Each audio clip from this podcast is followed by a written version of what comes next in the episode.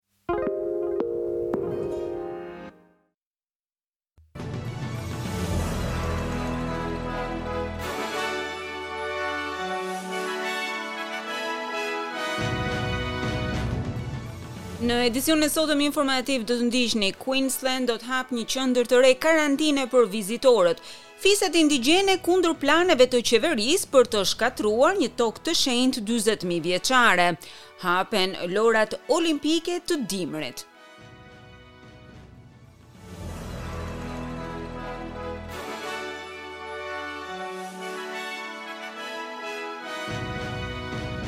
Fillojmë gjerësisht me lajmet. Victoria ka regjistruar dyzet e një vdekje të reja nga Covid nëntëmbëdhjetë, ndërkohë që New South Wales regjistroi tetëmbëdhjetë. Departamenti i Shëndetësisë në Victoria regjistroi shtatë mijë e tetëqind e dhjetë raste të reja me Covid nëntëmbëdhjetë nga njëmbëdhjetë mijë e dyqind e dyzet të premten. Aktualisht në këtë shtet ka gjashtëdhjetë e tre mijë e katërqind e nëntë raste aktive. Prej tyre, gjashtëqind e tetëdhjetë e shtatë janë në spital, tetëdhjetë në terapi intensive dhe tridhjetë e një në ventilator. New South Wales regjistroi tetë mijë e treqind e tetëdhjetë e nëntë raste të reja, dhjetë mijë gjashtëqind e nëntëdhjetë e tre dje. Aktualisht ka dy mijë e treqind e tridhjetë e shtatë pacientë nëpër spitale në të gjithë shtetin, një numër ky më i rënë nga dy mijë e katërqind e nëntëdhjetë e katër. Nga këta pacientë, njëqind e pesëdhjetë e dy janë në terapi intensive. Zoti Barnaby Joyce doli përpara mediave për të kërkuar falje publike për mesazhin që kishte dërguar në lidhje me kryeministrin, duke thënë se nuk e priste që ky mesazh do të bëhej publik e megjithatë nuk fajësonte askënd përveç vetes. Zëvendëskryeministri, Barnaby Joyce ofroi dorëheqjen për shkak të një mesazhi në të cilin ai e quajti zotin Scott Morrison hipokrit dhe gënjeshtar.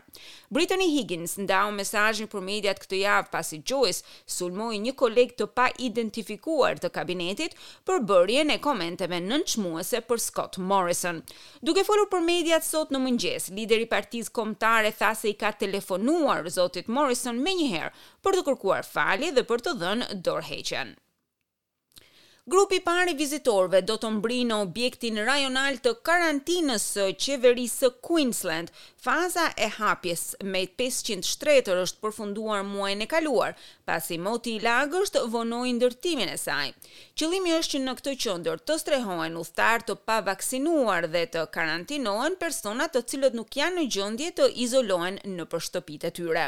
Sot pritet të mbërrijnë dymbëdhjetë personat e parë, ndërkohë që zëvendëspremieri Steven Miles thotë se të ftuarit e parë pritet që të mbërrijnë me një fluturim të Air New Zealand.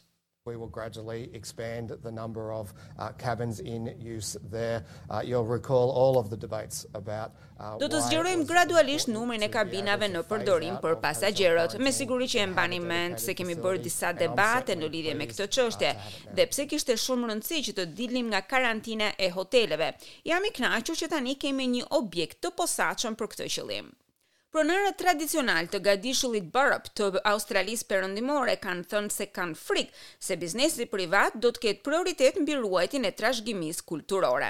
Deklarata vjen pasi qeveria federale ka njoftuar një hua prej dyqind e pesëdhjetë e pesë milionë dollarësh në mbështetje të një propozimi nga Woodside Petroleum për të ndërtuar një fabrikë ureje dhe përdorimin e lëndëve djegëse fosile në këtë zonë. Murujuga konsiderohet gjerësisht një nga vendet kulturore me rëndësinë më të madhe në Australi, duke qenë origjina e shumë këngëve që përfshijnë të gjithë kontinentin, Përfaqësuesja e Kuruma Marduthunera, zonja Josie Alec, i tha SBS News se mbrojtja e trashëgimisë kulturore nuk ka patur asnjë rëndësi për qeverinë.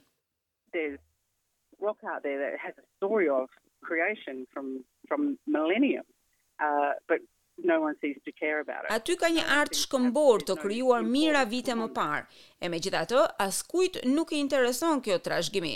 Askush nuk është shqetësuar për të.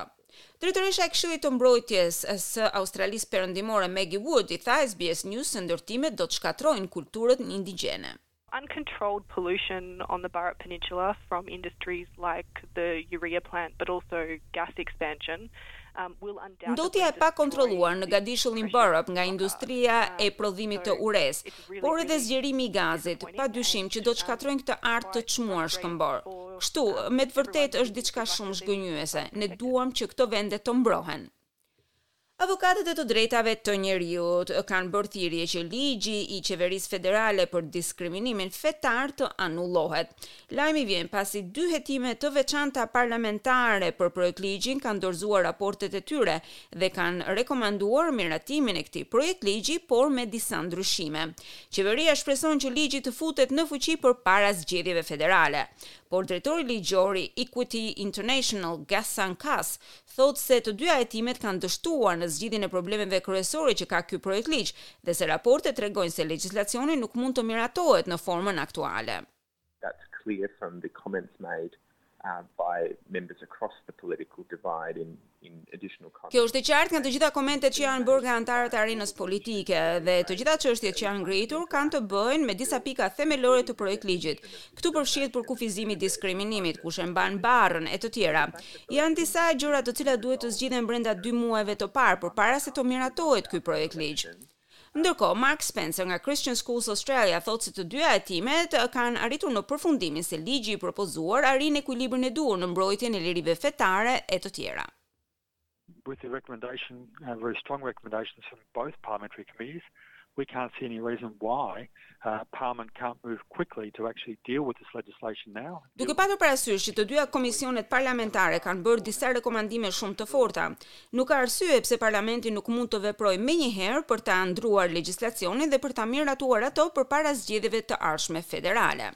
Ministri federal, Alan Tudge nuk do të kthehet më në portofolin e arsimit në momentin që Parlamenti federal do të rifillojë punimet javën e ardhshme, Kjo për shkak të një hetimi të vazhdueshëm të departamentit mbi akuzat ndaj tij për abuzime emocionale dhe fizike. Ish-punonjësja e Tudge, Rachelle Miller vitin e kaluar pretendoi se ka patur abuzim emocional mbi të dhe në një rast edhe fizik nga ministri, ndërkohë që çifti ishte në një lidhje romantike. Kryeministri Scott Morrison konfirmoi se raportet hetimore nuk janë finalizuar, ndërkohë që ministri Tudge i ka mohuar me forcë të gjitha akuzat. Një koalicion ministrash europian ka rënë dakord që të krijojë një agjenci si pjesë e një mocioni për zgjidhjen e krizës së emigrantëve të Bashkimit Europian. Propozimi origjinal u bë nga presidenti francez Emmanuel Macron. Këshilli i ri i Shengenit do të përfshijë mbështetjen e kombeve të Bashkimit Europian kur mbërrijnë emigrantët, një parim solidariteti, ku vendet duhet të pranojnë azilkërkuesit ose të ofrojnë mbështetje financiare. Ministri i Brendshëm francez, Gerald Darmanin, thotë se ka shumë rëndësi që të rindërtohet dalëngadalë besimi midis vendeve. Alors, encore une fois, l'idée, euh, c'était de changer the idea was to change the method because the all or nothing strategy. Ideja ishte që të ndryshonin metodën sepse strategjia që të gjitha vendet duhet të pranonin azilkërkues nuk ka funksionuar. Ideja franceze e cila u miratua unanimisht është që të hiqet ambicia e paktit të emigracionit, vullneti për të ecur drejt këtij pakti në tërësi, tha ai. Rreth dy mijë ushtarakë po përgatiten që të vendosen në Poloni dhe Gjermani në një demonstrim të përkushtimit të Shteteve të Bashkuara për krahun lindor të rajonit të NATO-s mes frikës së vazhdueshme të pushtimit rus në Ukrainë. Një mijë trupa të tjerë do të zhvendosen gjithashtu nga Gjermania në Rumani. Presidenti Joe Biden nuk ka dërguar përforcime ushtarake të Shteteve të Bashkuara në tre vendet baltike në krahun lindor të NATO-s në Estoni, Letoni dhe Lituani, të cilat janë shtete të mëparshme të Bashkimit Sovjetik.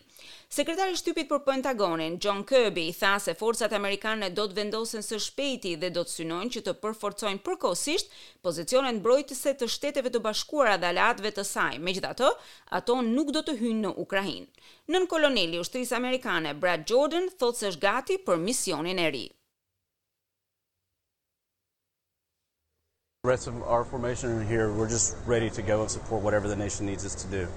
Uh, and whatever that means we do. Unë dhe pjesa tjetër e formacionit ushtarak jemi gati të shkojmë dhe të mbështesim nevojat e kombit tonë. Do ta bëjmë këtë menjëherë. Ndërkohë, presidenti rus Vladimir Putin dhe udhëheqësi kinez Xi Jinping kanë lëshuar një deklaratë të përbashkët, duke i bërë thirrje NATO-s të ndalojë zgjerimin e saj. Lajmi vjen pasi dyshja u takuan në Pekin të premten ku dhe u premtua mbështetje për njëri-tjetrin përpara ceremonisë së hapjes së Lojërave Olimpike Dimërore. Deklarata e përbashkët përfshinte kritika të ashpra ndaj Shteteve të Bashkuara, duke thënë se ajo kundërshtonte zgjerimin e mëtejshëm të NATO-s të udhëhequr nga Shtetet e Bashkuara dhe i bëri thirrje aleancës të braktisë qasjet e saj të ideologjizuara të Luftës së Ftohtë. Rusia ka kërkuar që NATO-ja të mos konsiderojë zgjerimin drejt lindjes për të përfshirë këtu shtete të reja anëtare si Ukraina.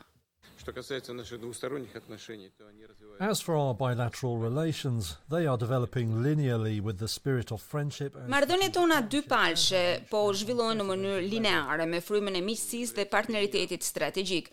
Ne kemi arritur një nivel të shkëlqyer. Janë shembull i marrëdhënieve të qëndrueshme, që ndihmojnë të dyja palët të zhvillohen dhe të mbështesin njëra-tjetrën në të njëjtën kohë, tha ai.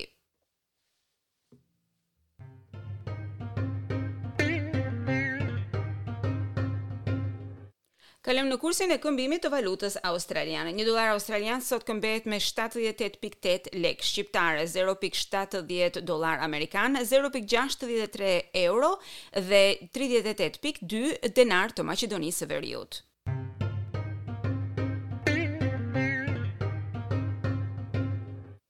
Dhe kalojmë në sport, lojërat dimërore të Pekinit kanë nisur zyrtarisht nën kufizime të rrepta të COVID-19 me një ceremoni spektakulare të hapjes me tema dëbore dhe akulli. Presidenti Xi Jinping pati detyrën për shpalljen e Lojërave Olimpike të hapura, ndërkohë që në një lëvizje të diskutueshme, një nga dy atletët e zgjedhur për të ndezur flakën olimpike ishte një anëtar i pakicës ujgure të Kinës. Pekini është dënuar në mënyrë ndërkombëtare për trajtimin e ujgurëve myslimanë, gjë që bëri që disa vende të imponojnë një bojkot diplomatik të Lojërave Olimpike.